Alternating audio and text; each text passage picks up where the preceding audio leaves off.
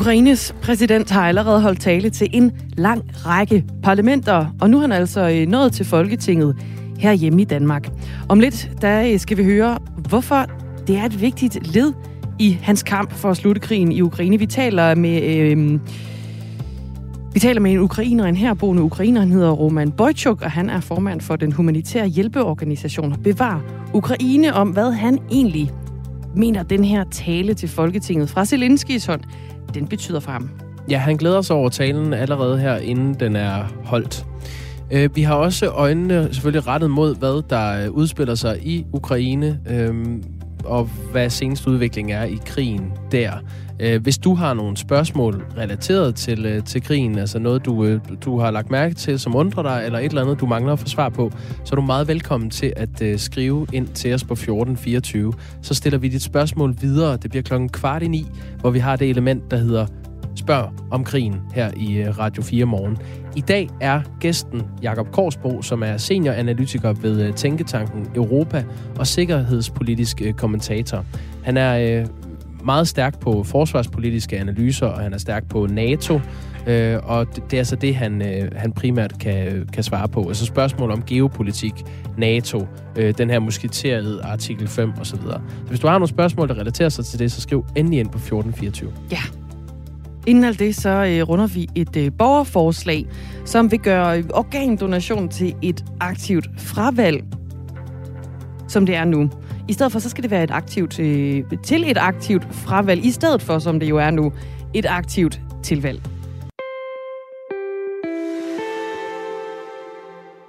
Det betyder altså, at det her borgerforslag kan fremsættes som et øh, beslutningsforslag, der skal behandles og stemmes om i Folketinget. Og det øh, kan det, fordi de har fået 50.000 underskrifter. Det er den magiske grænse for et øh, borgerforslag.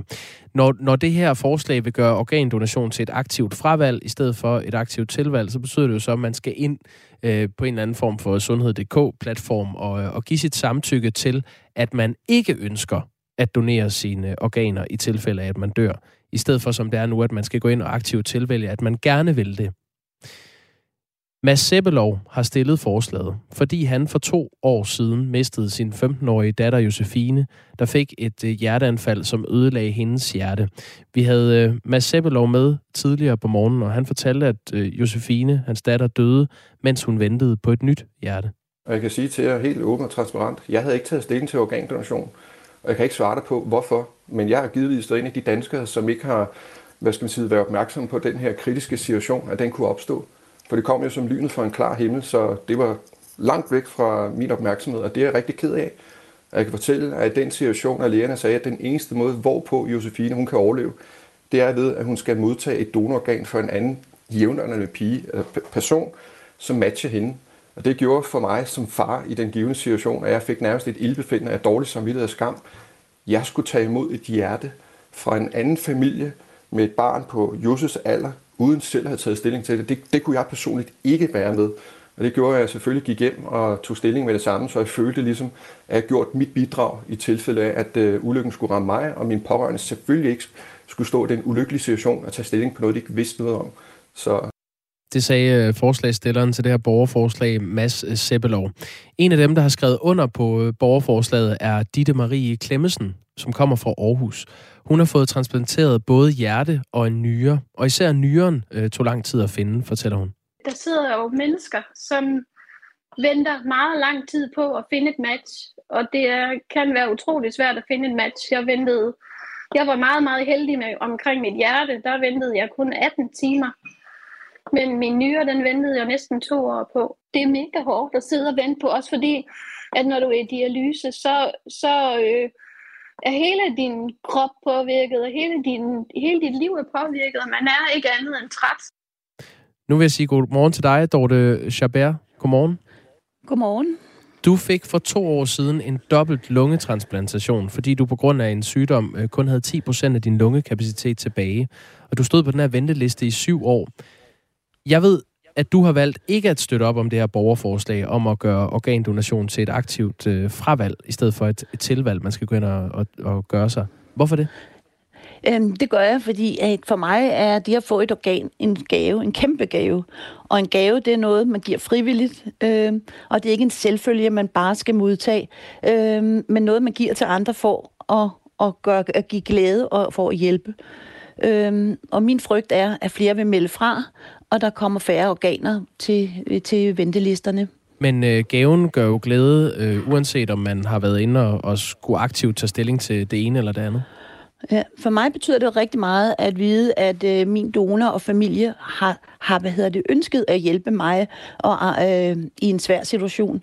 Øh, og øh, mine lunger ikke kommer fra en, der bare har glemt at melde fra. Øh, jeg mener, det er rigtig vigtigt, at vi får snakket om øh, og får informeret rigtig meget, men at det er frivilligt. Men man kan sige, at det er jo også frivilligt, hvis det er et aktivt øh, fravalg, man skal gøre sig. Så skal man bare gå ind og, og gøre det. Ja, jeg, øh, jeg frygter bare, at øh, flere vil øh, melde fra, øh, fordi, de ikke, øh, fordi de er bange for, at, øh, at deres organer bare bliver sådan høstet af staten.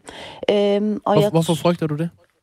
Fordi at øh, man... Øh, ikke, øh, når man står øh, i en situation, hvor man ikke skal tage stilling til noget, øh, man heller ikke ved, hvordan man vil reagere, når man lige pludselig står i en alvorlig situation. Øh, nogle mennesker har brug for at sige farvel øh, på, øh, på, på en værdig måde, og alle har ret til at få en værdig død, og de pårørende har også ret til at skal sige farvel øh, til, på en værdig måde til deres pårørende. Øh, derfor så, så mener jeg, at der er nogle ting, man ikke øh, bare på forhånd kan tage for givet. Og så fordi man har, eh, måske ikke har fået taget stilling øh, eller fået meldt fra, så risikerer man, at, øh, at øh, man mod ens vilje, så får, bliver organerne brugt. Organdonation er et aktivt fravalg i øh, flere lande, som for eksempel Sverige, som vi ofte sammenligner ja. os med, i, i Belgien, Spanien, Holland, Finland. Ja. Her er man donor i udgangspunktet og skal så melde fra, hvis man ikke ønsker at donere. Ja. Og der er uenighed om effekten af et aktivt fravalg. Øh, du frygter, ja. at det vil få flere til at melde fra, men ja, ifølge... og jeg kan heller ikke rigtig ja. finde dokumentation for, at man vil få flere øh, organer. Øh, Nej, men, i... men jeg har, jeg har en uh, kommentar fra lektor i statskundskab, Andreas Albertsen fra Aarhus Universitets School of Business and Social Sciences. Ja. Han siger, at øh, lande, der øh, skifter fra aktivt tilvalg til aktivt fravalg, generelt klarer sig bedre Forstået på den måde, at der bliver flere organer til rådighed for at redde menneskers liv. Ja, men der er der også andre undersøgelser, der viser, at sådan er det ikke altid. Men de lande, der har øh, aktivt øh, fravalg, de gør det på samme måde som i Danmark, at man også spørger de pårørende. Og det synes jeg er en væsentlig ting, at de pårørende også skal være med i processen. De skal også kunne leve videre bagefter på en værdig måde, mm. øh, og have sagt farvel til deres, deres pårørende. Kunne du være åben for, at, øh, at man selv skal gå ind og sige, øh, jeg ønsker ikke, at mine organer bliver doneret videre, hvis man ikke ønsker det. Og i det tilfælde, man så dør, og der står en, som kan bruge ens organer, så kan familien stadigvæk godt have en vetoret og sige, det ønsker vi ikke. Jeg, jeg mener, at vi alle sammen har ret til også at bestille, hvor, øh, bestemme over vores organer, ikke? Øh, og det, der giver mening for os. Øh, men når man dør, så mener jeg også, at det er rigtig vigtigt, at de pårørende også bliver hørt, og deres øh, øh, følelser også bliver respekteret. Lige nu er det faktisk kun radikale venstre, der støtter det her forslag. Øh, partiets ja. sundhedsordfører, Stinus Lindgren, er helt overbevist om, at man øh, at, at der er flere, der, eller ja, der er mange, der gerne vil være organdonorer, men bare ikke lige får sig øh, meldt til. Lad os lige prøve at høre, hvad, hvad han siger. Øh, og derfor er det også vigtigt i det her forslag, at der jo ikke nogen, der bliver tvunget til at afgive organer øh, mod deres vilje. Øh, forældre til børn kan altid fravælge det øh, og man kan altid selv trække et, et samtykke tilbage. Sådan skal det være. Det, der er vigtigt at huske i den her diskussion, er jo, at når man taler med, med folk generelt, så langt de fleste vil jo gerne være organdonorer. Og når de ikke har fået meldt sig aktivt til, jamen, så er det ikke, fordi de har valgt det fra, de har bare ikke fået det gjort. Og det er, det er jo den problemstilling, jeg synes er så afgørende vigtig her. Nu øh, har du jo selv, øh, Dorte Chabert, oplevet at, øh, at få lunger, altså en dobbelt ja. lungetransplantation, en, øh, en andens organer, og det har reddet dit liv. Hvis, hvis der nu kommer flere organer ved at ændre fra et aktivt tilvalg til et aktivt fravalg, hvorfor øh, vil du så alligevel ikke bakke op om det? Fordi jeg frygter faktisk, at man glemmer at, at melde fra. Øhm, som, men jeg mener stadigvæk, at det er vigtigt, at vi får snakken, og man bliver informeret rigtig meget. Men stadigvæk for mig er det en stor gave at få øh, et organ. Øhm, og det, det synes jeg, det skal... Det, det, det, så jeg kan godt lide forslaget, som det er nu, hvor man... Øh, og jeg synes også, at flere, meget flere skal gå ind og tilkendegive deres mening. Og det er rigtig vigtigt, at man rundt omkring i familierne også snakker om, hvad man ønsker. Altså, når du, når du siger, at du godt kan lide forslaget, som det er nu, så kan du, du godt lide den ordning, der er lige nu, hvor man aktivt skal gå ind og, selv, og vælge ja, til. Selv, ja, og hvad man ønsker, og hvilke organer man gerne... Man har jo flere muligheder. Man kan vælge, om alt må bruges, eller der er kun nogle organer, der må bruges, eller om pårørende har indflydelse eller ikke indflydelse. Så jeg synes, man har øh, et meget fornuftigt, øh, nogle fornuftige muligheder nu. Øh, men at vi så er, at der så er mange, der ikke får, får tilmeldelser, øh, før at øh, de selv står i en, i en situation, hvor de har brug for et organ, eller oplever alvorlig sygdom tæt på livet. Det er, det er jo bekymrende. Hvad mener du så, der skal til for at få flere til at tage stilling til det her spørgsmål? Jeg, jeg mener, at det er vigtigt, at man får, laver nogle gode oplysningskampagner. Øh, med jævne mellemrum og på en eller anden måde øh, får folk til at tage stilling. Det kan være, når de bliver 18, eller når de får kørekort, eller sådan nogle ting, øh, som man også prøver lidt nu. Hvis der nu sidder nogen og lytter med på det her interview, øh, Dorte Chabert, og ikke helt har taget stilling til det, hvad, hvordan vil du så bedst sælge ideen om, at man skal give sine organer videre, hvis man dør? Jamen, altså, man gør jo en stor forskel, øh, og øh, mange af dem, der donerer organer, siger jo også bagefter, at øh, det, er, det har været en glæde, ligesom at der, der er noget liv, der går videre, og de har kunne hjælpe nogle andre i en svær stund. Øh, så jeg mener, det er rigtig vigtigt, at man så også taler om det derhjemme, hvad man selv ønsker, og man går ind på sundhed.dk og så kendegiver, hvad man ønsker, Lad os lige... der skal ske med ens egne organer. Ja, Lad os lige her til sidst uh, have en sidste kommentar fra Stinus Lindgren, uh, sundhedsordfører for Radikale Venstre, som altså er det eneste parti i Folketinget, der støtter det her borgerforslag. Han har nemlig også et andet bud på en uh, løsning. For eksempel, at når du lukker på din uh, sundhed.dk eller e-boks, hvis ikke du aktivt har taget stilling, at der så popper noget op og siger, hey, husk lige det her spørgsmål, så snart du er fyldt 18 år. Jamen, det vil også være en mulighed for, at folk aktivt tager stilling, for det er det allervigtigste her, at folk tænker over den her problemstilling. Hvad synes du om den idé? Jamen, den er, den er jeg helt med på. Det synes jeg er en rigtig god idé. For det er nemlig vigtigt, at vi tænker over, hvad det er, vi ønsker. Øh, men i Danmark er det lidt tabu at tale om døden. Øh, så, så det er jo noget, man tit undgår. Så jeg synes, det er helt, helt rigtigt, at det der med, at man bliver mindet om, at nu skal man tage stilling. Øh, rigtig mange mennesker siger, at de har, de, om de har ikke, bare ikke nået det, eller de har glemt at gøre det og sådan noget. Så de ikke har fået registreret deres, deres ønsker øh, i tide. Og det tror jeg, det er vigtigt, at man på den måde ligesom gør, øh, oplyser om, at det er nu, man skal gøre det. Tak for lige at, at, at give et indblik i øh, de tanker, du gør dig, øh, Dorte Chabert, om det her. Tak. Som øh, altså for to år siden øh, selv stod i den situation, at hun havde brug for en, øh, en dobbelt lungetransplantation og fik det. Der er kommet en sms, hvor der står, lad dem, der giver, stå først på listen. Det er jo et meget konkret forslag. Der er også en, der skriver, det er Jens Larsen fra Roskilde. Om få år er donorer uden betydning. Organer vil blive lavet i laboratoriet. Ja, det må vi se. Øhm, der burde være en dag for øh, organer. Organers dag. Ligesom fars dag. Så kan vi få opdateret alle med hensyn til viden om, hvordan og hvorfor. Med hensyn til øh, organdonation, som skal være frivilligt, skriver Mia. Og hun skriver også, øh, øh, faktisk før den sms, der skrev hun, nej, stop, min krop tilhører mig og ingen andre. Det er ikke allemands eje. Jeg har arbejdet i sygeplejen ved dialyse og så videre, og ved, ved, det er hårdt, men jeg vil selv bestemme over min krop. Det er ikke allemands eje, men min krop. Staten skal ikke have monopol på kroppe, skriver hun.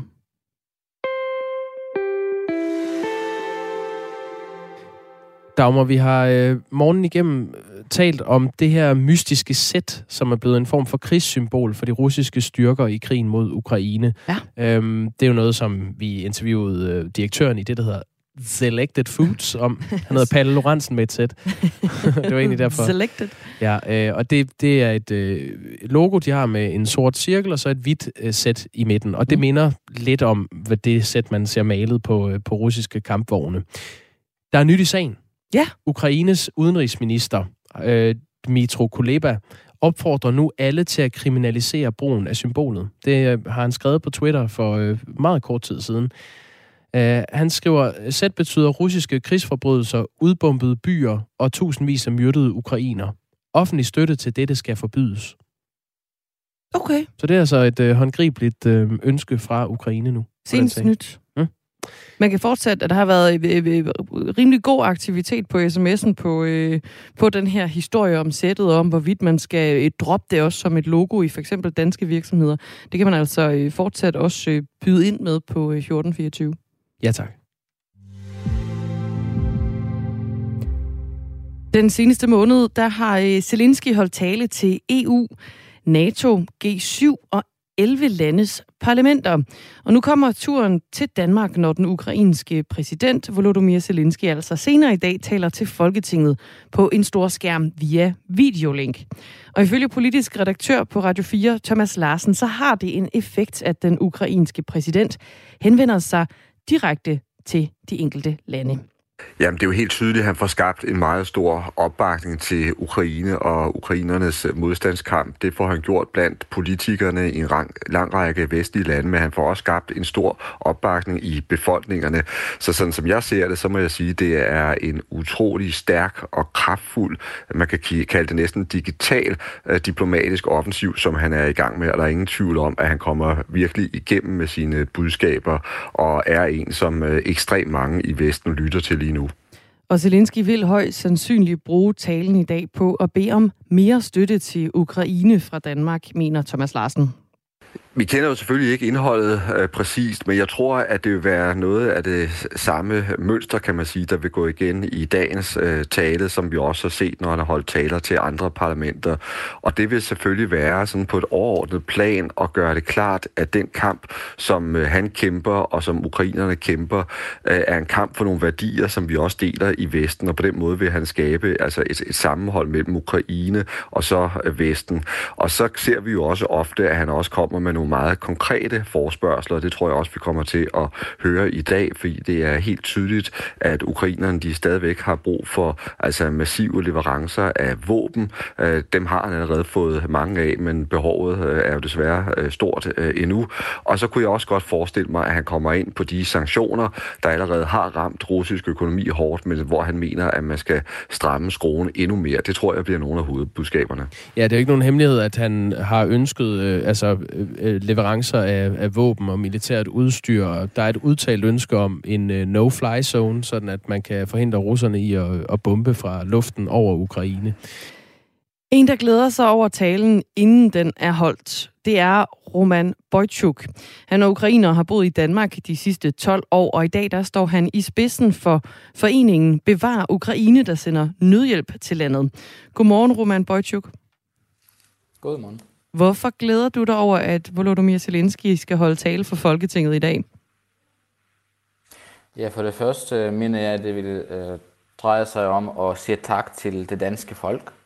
Øh, for det andet øh, tror jeg, at det vil dreje sig om at få finde ud af, hvordan vi kan stoppe krigen. Øh, fordi jeg ved godt, at man har gjort meget, men der er stadigvæk meget, der kan, der kan gøres alligevel. Øh, så jeg tror også, at øh, det vil også give til lidt mere informationer til det danske befolkning, hvad der foregår i Ukraine. Og hvad, hvad, hvad tror du, det vil få en, af betydning, at Zelensky han holder tale til Danmark i dag?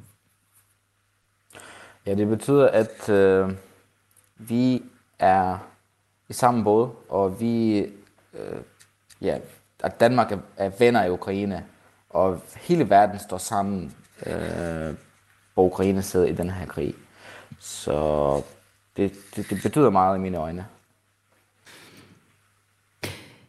Volodymyr Zelensky som, øh, som præsident, hvad, hvad betyder han for dig og dit arbejde med, med nødhjælp til Ukrainer? Du er jo, øh, du er jo formand for foreningen Bevar Ukraine også, der altså sender nødhjælp til Ukraine. Jeg synes, at øh, øh, man har været god til at samle landet ens, og det, det, det er selvfølgelig noget, som inspirerer os, øh, også her i Danmark. Øh, at vi, vi kæmper for, for et mål, som er fælles for hele landet. Øh, så det synes jeg er meget vigtigt. Tror du, han har haft en betydning for øh, øh opbakningen fra danskerne i forhold til at sende nødhjælp afsted? Ja, det vil jeg mene. Øh, der er, altså, han har talt med en masse øh, politikere og ja, organisationer rundt i verden, og det er helt klart, øh, altså, det er mange, der kender ham, og selvfølgelig der er mange, der vil hjælpe til øh, af den grund. I mange år, der var øh, Volodymyr Zelensky jo bedst kendt som komiker i Ukraine, og han har blandt andet lagt stemme til Bjørn Paddington i den ukrainske udgave af filmen. Men i dag der er den her 44-årige præsident altså blevet symbolet på den ukrainske modstand mod de invaderende tropper fra Rusland. Blandt andet fordi han trods invasionen jo har valgt at blive i Ukraine.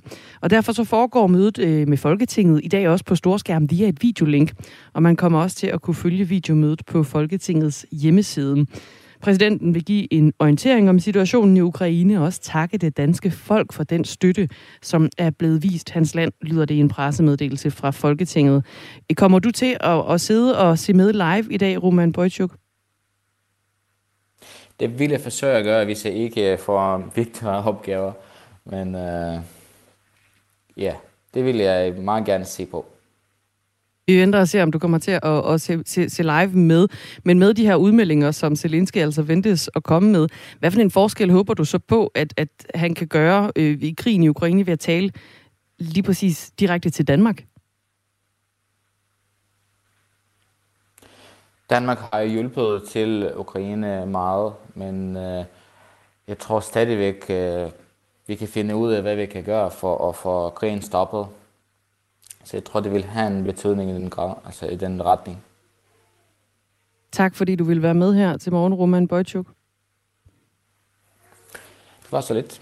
Herboende ukrainer er altså formand for den humanitære hjælpeorganisation Bevar Ukraine, som lige skal have ja, passet ind i øh, dagens planer, om han skal se øh, Zelinskis tale live, når han altså taler til Folketinget senere i dag. Hvis ikke han når det, så kan han øh, kigge med i morgen, fordi der skal han tale til de norske medlemmer af Stortinget. Øhm, det skriver nyhedsbyrået NTB. Og ligesom det er tilfældet her i Danmark, så vil øh, Zelensky også til det norske parlament tale via en øh, videoforbindelse. Klokken er tre minutter i øh, halv ni. Du lytter til Radio 4 Morgen, som i dag beværtes af Dagmar Eben Østergaard og Jakob Grosen, og du kan skrive direkte til os, hvad end du lyster, på 1424.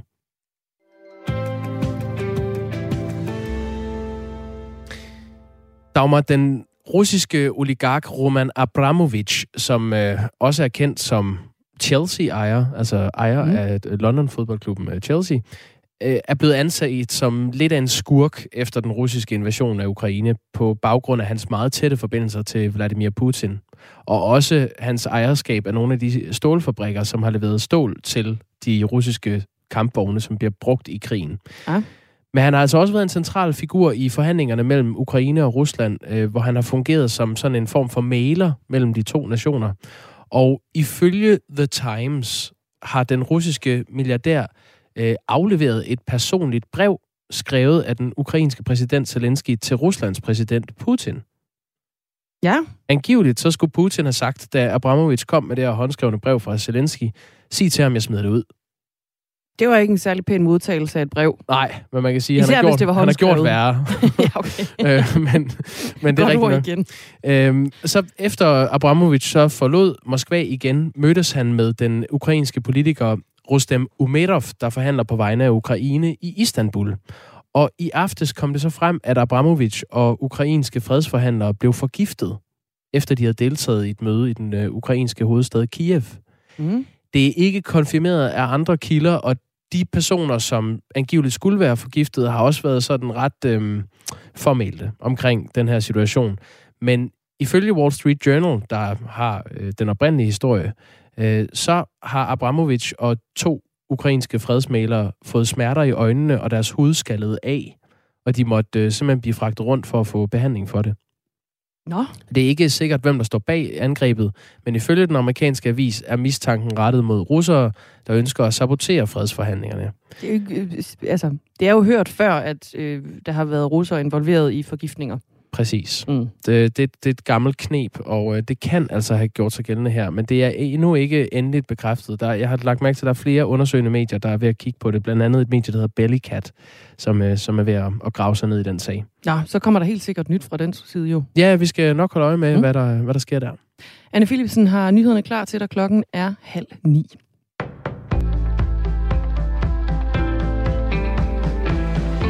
Danmark bør købe våben til Ukraine. Det mener formand for Venstre, Jakob Ellemann Jensen. Ukraine og Zelensky har brug for al den hjælp, øh, de kan få.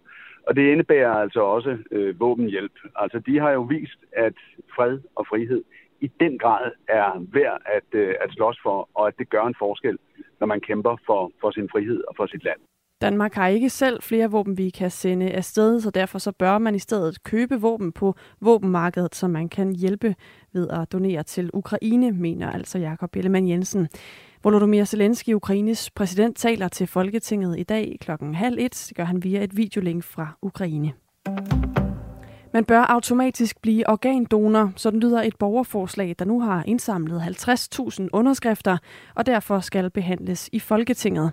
I dag er det sådan, at man aktivt skal tilvælge at blive organdonor, men ifølge borgerforslaget, så skal det i stedet være et aktivt fravalg. Og det er en god måde at gøre det på, mener Ditte Marie Klemmesen, der er en af dem, der har skrevet under på forslaget. Hun har selv modtaget organer to gange. Jeg er ret sikker på, at de folk, der ikke vil donere, de skal sørge nok komme ind og, og melde sig fra. Men det bør ikke være en selvfølge at være organdonor, mener Dorte Chabert. Hun har selv fået en dobbelt lungetransplantation og var dengang på venteliste i syv år. For mig er det at få et organ en gave, en kæmpe gave. Og en gave, det er noget, man giver frivilligt. Øh, og det er ikke en selvfølge, man bare skal modtage. Øh, men noget, man giver til andre for at, at, gøre, at give glæde og for at hjælpe. Og min frygt er, at flere vil melde fra, og der kommer færre organer til, til ventelisterne. Senere i dag skal klimaminister Dan Jørgensen i samråd om Klimarådets nyeste rapport den konkluderer igen i år, at regeringen ikke har vist, hvordan vi når målet om at udlede 70% mindre CO2 i år 2030. Der er dog stadig sket betydelig fremdrift på området de seneste to år, lyder det også i rapporten. Men der er stadig et stykke vej, viser rapporten ifølge Sebastian Mernil, som er professor i klimaforandringer og prorektor ved Syddansk Universitet. Med det, der er lagt øh, op til nu, jamen der vil man se en reduktion på 57 procent øh, mod 2030, så der er stadig et stykke vej fra de 57 op til de 70 procent. Men omvendt kan man også sige, at øh, øh, det er et langt sejt træk, der skal tages. Øh, der skal jo både reduceres inden for adskillige sektorer, men der skal også sættes ny forskning i gang, så vi kan blive endnu bedre på den grønne omstilling. Så, så man er på vej, men øh, langt fra i mål. Klimarådet er en slags uafhængig vagthund, der holder politikerne op på deres egne klimamål. Skuespilleren Will Smith har i et Instagram-opslag for første gang undskyldt over for komikeren Chris Rock, som han langede en lussing under Oscarshowet i går. Vold i alle dens former er giftig og destruktiv. Min opførsel under gårdsdagens Academy Awards var uacceptabel og utilgivelig, skriver Smith på Instagram. Under Oscarshowet lavede komikeren Chris Rock en joke om Will Smiths kone, og det fik så Will Smith til at gå på scenen og stikke ham en lussing. Oscar-akademiet har fordømt Will Smiths handling og har også samtidig indledt en undersøgelse af sagen. Vi får en del sol de fleste steder i løbet af i dag, men senere på dagen der bliver det stedvist mere skyet, og i de skyer der kan der altså også gemme sig en lokal byge. Temperaturerne lander mellem 4 og 9 graders varme, melder DMI, og så får vi en svag til frisk vind mest fra nordvest og nord. Det var nyhederne på Radio 4 klokken halv ni. Her til morgen er nyhederne i med Anne Philipsen i studiet.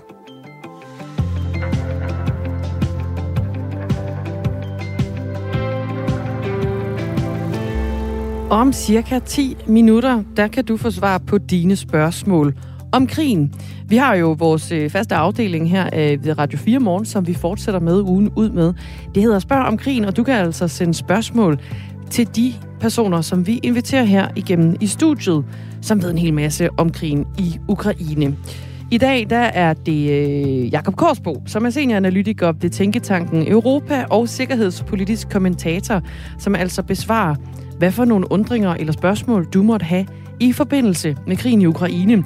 Og han er øh, blandt andet stærk på forsvarspolitiske analyser, han er stærk på NATO, og så øh, kan han også svare på spørgsmål om jamen, geopolitik og NATO's artikel 5, altså den her musketered, øh, der også har været talt om i forbindelse med krigen i øh, Ukraine. Ja, og der er allerede kommet øh, nogle øh, meget spændstige spørgsmål, som vi kommer til at stille videre. Men hvis du sidder og brænder ind med noget, så kan du stadig, du har stadig mulighed for at skrive ind, og så kan vi nå at tage dem med til, øh, til Jacob Korsbo. Så gør det, hvis du har noget, du gerne vil have svar på. Ja, endelig. Vi samler til bunke, og så sender vi det afsted til Jacob Korsbo.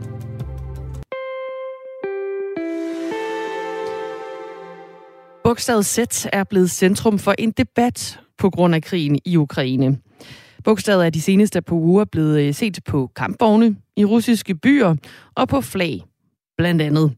Flere eksperter peger på, at sættet enten betyder zapat, som på russisk betyder vest, eller sa pobidu, som betyder for sejr.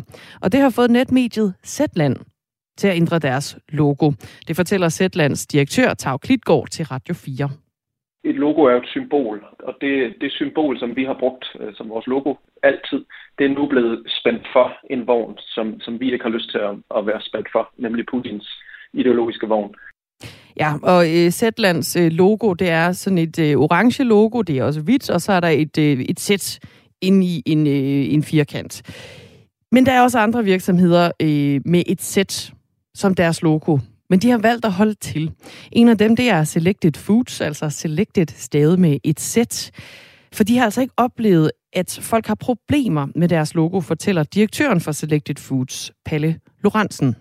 Altså lige her i weekenden har vi deltaget i en forbrugermesse i Bella Centeret, hvor mere end 50.000 mennesker kom igennem og smagte på vores produkter og så vores produkter. Og ud af alle de der mennesker, vi nu var i kontakt med, der var 10, der, der nævnte sættet med sådan et lille glimt i øjet og sagde, jamen, har, I, har I et problem her?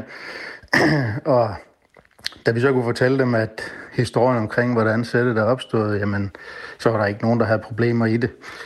Men øh, det er klart, at vi følger situationen tæt, og hvis, øh, hvis vores forbrugere synes, at, øh, at vi har et problem, så, øh, så, må vi, så må vi kigge på det. Det er bare ikke helt så nemt øh, for os at ændre, som det er for Zetland, fordi vi, vi har det på, på millionvis af produkter, der står ude i supermarkedet og på lager og så videre, så, så det vil tage meget lang tid at, at fjerne det hvis, det, hvis det er det, der skal blive konklusionen. Palle Lorentzen vil dog overveje at skifte deres logo, hvis det skulle falde forbrugerne på brystet, for brystet på et tidspunkt, siger han også. Vi lytter mere til forbrugerne, end vi lytter til Putin. Øh, og jeg har godt hørt, at nogen har kapituleret til, at Putin har stjælet sættet fra alfabetet, men, men der tilhører vi så modstandsbevægelsen, så vi vil, vi vil kæmpe for det så længe som muligt, men det er klart, det er forbrugerne, der i sidste ende er, er dem, vi lytter til. Jeg håber ikke, vi skal til at lære vores børn, at, at en zebra ikke må hedde en zebra, men en ebra, eller at man skal til at køre i en Mercedes-Benz. vi, vi har også hørt, at ham Putin han skal have noget modstand, for ellers så bliver han bare ved. Og hvis det næste bogstav, han erobrer, det så er D, hvad skal Danmark så hedde? Hvis Selected Foods, altså Selected med Z, ender med at være nødt til at ændre deres logo, så kan det blive en omfattende omgang, fortæller Palle Lorentzen, også med Z. Jamen altså, det at lave et nyt logo tager jo ikke lang tid, men det, der tager lang tid, det er at få det implementeret. Øh, altså, der er jo en hel masse emballage, og der er, der er varer i butikkerne, som jeg siger, og, og det, altså, det vil jo gå, der, det vil tage flere år, inden at det er gennemført på alt. Øh, så, det, så den, den vej håber vi ikke, at, øh, at vi skal gå. Men uh, vi følger udviklingen ydmygt og tæt, og, uh, og hvis vi en dag skal ændre vores logo, så bliver det som sagt på grund af, at det er de mennesker, som hver dag køber og nyder vores produkter, som, som siger til os, at vi skal gøre det. Ikke fordi vi skal tække sin aggressator som, som Putin. Valentina Shapovalova. Hun forsker i øh, medievidenskab på Københavns Universitet med fokus på russiske medier. Hun mener, at sættet har en ny betydning i dag. Flere steder der er det nemlig blevet sammenlignet med kontroversielle symboler fra 2. verdenskrig. Det er blevet sammenlignet med, øh, med hagekorset på de sociale medier. Jeg har set øh, flere, flere memes florere og flere sådan, øh, grafiske tegninger, hvor man har sidestillet sættet med, øh, med hagekorset. Øh, og jeg kan godt forstå sammenligningen, netop fordi det fylder så meget i Rusland og at i den her krigsførelse. Men Palle Lorentzen, som altså er direktør i Selected Foods med sæt, og som har et øh, sæt som logo, mener, at der trods alt stadig er en forskel på sættet og på hagekorset som symbol. Jeg synes, der er en, en stor forskel, altså hvor, hvor hagekorset er, er mere specielt, og det, der er ikke noget, der ligner det. Øh, sættet det bliver brugt i alle mulige sammenhænge, i alle mulige navne, i alle mulige ord osv. Altså det, det er som sagt en del af vores, øh, af vores alfabet. Sådan lød det altså fra øh, Palle Lorentzen, som er direktør i Selected Foods, som øh, for nu holder fast i det her øh, sæt, et hvidt sæt, de har inde i en cirkel som, øh, som symbol. Afskaf sæt, så kan vi endelig komme til at stave zebra med S, nøjagtigt som det udtales. Venligst, Martin Hansen Lindtrup. Man kan også bare begynde at stave det, eller udtale det med zebra. Det kan man også gøre. Så, så holder man fast i den gode gamle måde. Øh, godt. Klokken er 20 minutter i 9. Det er Radio 4 morgen, du har tændt for, og det skal du have stor tak for. Og her i programmet dedikerer vi altså hver morgen en del af udsendelsen til at få svar på nogle af de spørgsmål, der øh, løbende opstår om krigen i Ukraine. Vi kalder segmentet Spørg om krigen, og det er altså det element, vi skal til nu i Radio 4 morgen. Hver dag allierer vi os med en ekspert, som øh, kan hjælpe os med at blive klogere på den aktuelle konflikt mellem Ukraine og Rusland. Og i dag har vi dig med, Jakob Korsbo. Godmorgen. Godmorgen, godmorgen senioranalytiker ved Tænketanken Europa og sikkerhedspolitisk kommentator øh, med øh, stor viden. Nu, nu taler jeg dig lige op til en start om, øh, om forsvarspolitiske analyser, øh, NATO og geopolitik. Det er bare som en øh, sådan stikord til, til lytterne. Hvis man sidder med spørgsmål, der relaterer sig til det, så kan du skrive ind nu og få øh, Jakob Korsbos øh, svar på det. Øh, jeg vil gerne starte med at spørge dig, Jakob Korsbo, med, med tanke på den tale, Joe Biden, den amerikanske præsident, holdt i weekenden i, øh, Warszawa i Polen. Er vi så tættere på, at NATO går ind i Ukraine? Nej, det mener jeg egentlig ikke, øh, vi er. Øh, jeg mener, at øh, der blev gjort rigtig meget ud af øh, Joe Bidens tale, og navnlig de sidste ord om, at, øh, at Putin ikke kan forblive ved magten. Men øh, jeg mener, jeg hører også til dem, der mener, at øh, der er måske blevet gjort lidt for meget ud af det, og tolket lidt for meget på det i forhold til, hvilken øh, effekt vi vil se det få. Men øh, ja, det, er jo, det, var, det er jo en debat. Lad os lige høre ordene. Det lød sådan her. For God's sake, this man cannot remain power. Og det er det, han har fået kritik for, altså at, øh, at blande sig i, i russiske forhold på den måde, at det ikke sømmer sig for en amerikansk præsident, at det skal man holde øh, fingrene ud af. Men det mener du ikke øh, på den måde bliver Det er der nogen, der mener. Nej, jeg mener, det er, det, det er meget, meget overdrevet. Altså, der kan ikke være nogen øh, tvivl om, og at... Øh, at Joe Biden i mange år og, de, og andre præsidenter før ham øh, synes, det ville være en god idé, hvis, øh, hvis Putin ikke sad ved magten længere i USA. Øh, og Putin har jo et selv øh, beskyldt USA for at forsøge at fjerne ham i, igennem 10-15 år øh, gentagende gange. Så så der, der er gået meget øh, festfyrværkeri i, i, i kommentatorkorpset øh, over hele verden, tror jeg. Øh, og, og det der jo er, er med, med det her, det er, at øh, det, vil ikke, det vil ikke få nogen effekt på, hvor længe øh, øh, Putin kommer til at, at sidde ved magten. Øh, jeg vil nok sige, øh, man kan godt sige, jo, selvfølgelig kan øh, Putin bruge det i sin øh, retorik og i at retfærdiggøre øh, øh, nogle metoder, som han bruger internt og til at undertrykke befolkningen endnu mere, men man kan lige så godt hæve det modsatte. Modsatte, at det her kan, kan være med til at opildne øh, nogen, som, som er imod ham, fordi han er en, øh, en fæld diktator. Og øh, så, så ja, øh, jeg tror, at det, der bliver helt afgørende, det er, hvad der sker på slagmarken i Ukraine, øh, mere end, øh, end, end de her ord. Du lytter altså til øh, det her element, vi kalder Spørg om krigen i Radio 4 morgen, hvor vi har Jakob Korsbro med, senioranalytiker ved Tænketanken Europa og sikkerhedspolitisk øh, kommentator. Jakob Korsbro, der kommer nogle spørgsmål på NATO. Øhm, her er det første. En lytter skriver, hvis NATO udelukkende er en forsvarsalliance, hvad lavede de så i for eksempel Afghanistan? Jamen altså, øh, Afghanistan-invasionen øh, startede jo med øh, angrebet øh, den 11. september øh, på tvillingetårnene i øh, USA. Og øh, det er jo den eneste gang øh, i historien, hvor NATO's artikel 5 har været øh, taget i brug. Øh, og øh, det, det var simpelthen et udtryk for, at øh, ja, USA blev angrebet, og så stod øh, NATO-landene sammen. Og øh, det er utvetydigt, hvor det angreb kom fra, og man prøvede at få Taliban til at udlevere Osama bin Laden og gøre op med al-Qaida-netværket, men det ville Taliban ikke gøre, og derfor øh, besluttede man efter øh, et par måneder at, indlede en, invasion af Afghanistan. Katarina spørger, synes jeg læser en del, øh, som skriver, at NATO har været med til at presse Rusland. Er der noget sandhed i det? Altså, er, er, det, det er jo den her de, principielle diskussion med, hvis skyld er invasionen, og den, det er øh, er de fleste enige om Ruslands skyld, men hvilken rolle har NATO spillet i at presse Rusland øh, hen mod den beslutning? Nej, altså der, der, der har været en del øh, snak om, øh, der er nogle kommentatorer, der mener, at øh, hvis bare NATO havde sagt, at, øh, at Ukraine får aldrig øh, NATO-medlemskab, så var, så var øh, Putin ikke gået ind i, øh, i Ukraine. Øh, men, men det er altså, undskyld mig, et, øh, et falsum, øh, fordi øh, den, den her debat omkring øh, de tidligere øh, sovjetrepublikker øh, øh, medinddragelse i, i NATO på, på eget initiativ, den har jo kørt siden øh, midten af, af 90'erne. Og øh, som de fleste ved, så øh, kom de baltiske lande med, øh, fordi de ønskede at, at være med. Øh, og, øh, og det har Putin jo også øh, et problem med.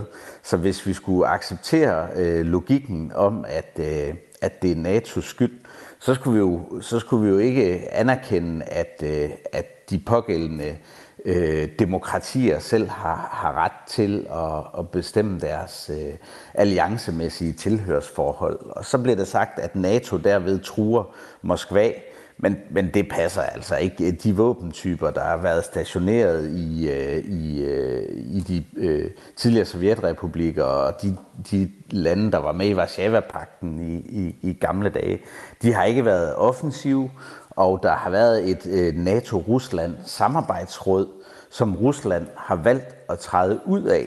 Øh, og det var sådan nogle øh, øh, tillidsbyggende foranstaltninger, man oprettede i midten af 90'erne og mm. starten af 2000-tallet. Og dem, dem har Rusland nu gået ud af. Øh, og hele OSCE-samarbejdet har Rusland også lagt mindre vægt på. Og det var lige præcis for at balancere det her, sådan så russerne havde indsigt i, at alle de her militære øh, forhold, der blev, der blev lavet, ikke var rettet mod Rusland. Men det har Putin valgt, at Rusland ikke skulle, skulle deltage i. Så ja, det er noget fup. Det er faktisk i dag præcis 18 år siden, at øh, de tidligere øststater Slovenien, Slovakiet, Bulgarien, Rumænien, Estland, Letland og Litauen blev formelt optaget i NATO. Det er bare en lidt, øh, lidt kurios kuriøs sidebemærkning. Øhm, vi har fået en anden sms. Den kommer fra Max fra Horsens. Godmorgen. Kan Danmarks, øh, kan Danmark, NATO og EU forsvare at sende våben til Ukraine, når man ved, at Azov-bataljonen kæmper i uniform med nazisymboler. Burde man ikke bede den ukrainske præsident om at fjerne den slags, før man hjælper? Der har været snakket meget om den her Azov-bataljon, øh, og, øh, og, og om, om, om de er øh, nazister, eller hvad de er. Jeg må tilstå, jeg, jeg, jeg, jeg kender simpelthen ikke nok til, øh, til den detalje. Jeg vil, jeg vil sige det sådan helt generelt, så er der jo øh, på begge sider, også på den russiske side, øh, nogle, øh, nogle elementer, der bliver sendt i kamp, som har nogle mærkværdige øh, øh, logoer og, og nok også øh, er meget, øh, hvad kan man sige, nationalistiske. Og øh, jeg ved ikke, om, øh, om lytterne måske har, har set nogle af de her elementer fra den her Wagner-gruppe, øh, som jo også øh, jo bruger nogle symboler, som øh, leder tankerne hen på, på, på Nazi-Tyskland. Det er den her meget øh, berygtede så, så legesoldatgruppe, som er tæt på Putin. Ja, præcis, præcis, og som har været brugt i, i Afrika, og som nu også er i brug i, øh, i Ukraine. Og, og jeg vil sige, på den måde øh, slægter, slægter begge sider jo nok hinanden mere på, end, øh, end, de, vil være, end de vil være ved. Så, så ja, det er, det er en tanke værd. Øh, man kan sige, Azov-bataljonen er jo ikke øh, øh det øh, ukrainske øh, forsvar øh, som sådan, og, øh, og, og, og lige præcis, de, jeg, jeg mener mest, de har været aktive ned omkring Mariupol. Øh, men øh, der i resten af, af, af Ukraine, hvor, hvor, hvor de væbnede styrker fra Ukraine kæmper øh, for blandt andet for at undgå, at, at russerne går ind i, øh, i Kiev, der er det jo, der er det jo, vi er jo nødtvunget til at sende dem, øh, sende dem våben, ved, ved mm. at mene, for, for at det ikke skal lykkes. Jakob Korsbo, øh, vi skal lige have et, øh, et sidste øh, spørgsmål, og du må godt svare lidt, øh, lidt kort og kontant på det, fordi vi øh, har noget, der, der presser i, i bag bagenden, som ja. man siger.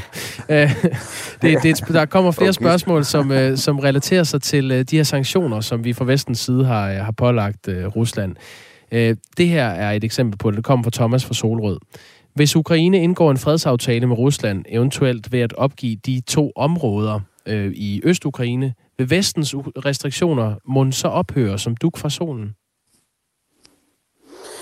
Det er, det er et rigtig godt spørgsmål. Øh, jeg tror, det er noget af det, der, er, der er uklart endnu, og man kan også sige, øh, Bidens øh, statement, der, det, det er jo også lidt derhen af, at, at vi skal ikke ophæve sanktionerne, øh, fordi Putin har gjort det, han har gjort. Men til, til, til seer, eller lytterens spørgsmål, så vil jeg sige, jeg tror, der er lang vej, før vi når hen til, til den type fredsaftale. Jeg har svært ved at se det for mig øh, at der bliver opgivet territorium, øh, men, øh, men lad os se, de her øh, kommende uger bliver, bliver meget øh, afgørende. Jeg tror vel, vi kan se, at russiske enheder begynder at bryde sammen, fordi de ikke har deres forsyningskæder, mm. og derfor så, så, så tror jeg, at ukrainerne vil fortsætte med at kæmpe. Tak for analysen, Jakob Korsbo. Selv tak. Senioranalytiker ved Tænketanken Europa og sikkerhedspolitisk kommentator. Overskud på Radio 4 hjælper dig med at få styr på økonomien og komme i gang med at investere. I dag der skal vi tale om noget, som jeg ikke fatter en skid om. Det er øh, kryptokunst. Vi kommer omkring alt fra aktier, arv, bitcoins, pension og ja, til kryptokunst. Ret hurtigt så blev jeg grebet af at følge med. Find Overskud som podcast og lyt med tirsdag kl. 13 her på Radio 4. Radio 4 taler med Danmark. Senere i dag skal klimaminister Dan Jørgensen i samråd om Klimarådets nyeste rapport. I skyggen af Ruslands invasion af Ukraine udkom Klimarådet nemlig med en statusrapport, som igen i år konkluderer, at regeringen ikke har vist, hvordan vi når målet om at udlede 70 procent mindre CO2 i år 2030. Men der er altså sket betydelig fremdrift på området de seneste to år, lyder det også i rapporten. Det er de radikales klimaoverfører Rasmus Helve Petersen, der har indkaldt til samrådet på vegne af Folketingets klimaudvalg, for blandt andet at krydsforhøre ministeren om Klimarådets konklusioner. Sikander Siddiq er politisk leder af Frie Grønne og med her til morgen i Radio 4 Morgen. Godmorgen. Godmorgen, godmorgen. Du har i forbindelse med Klimarådets rapport sagt, at du mener, at Dan Jørgensen bør gå af som minister. Hvorfor?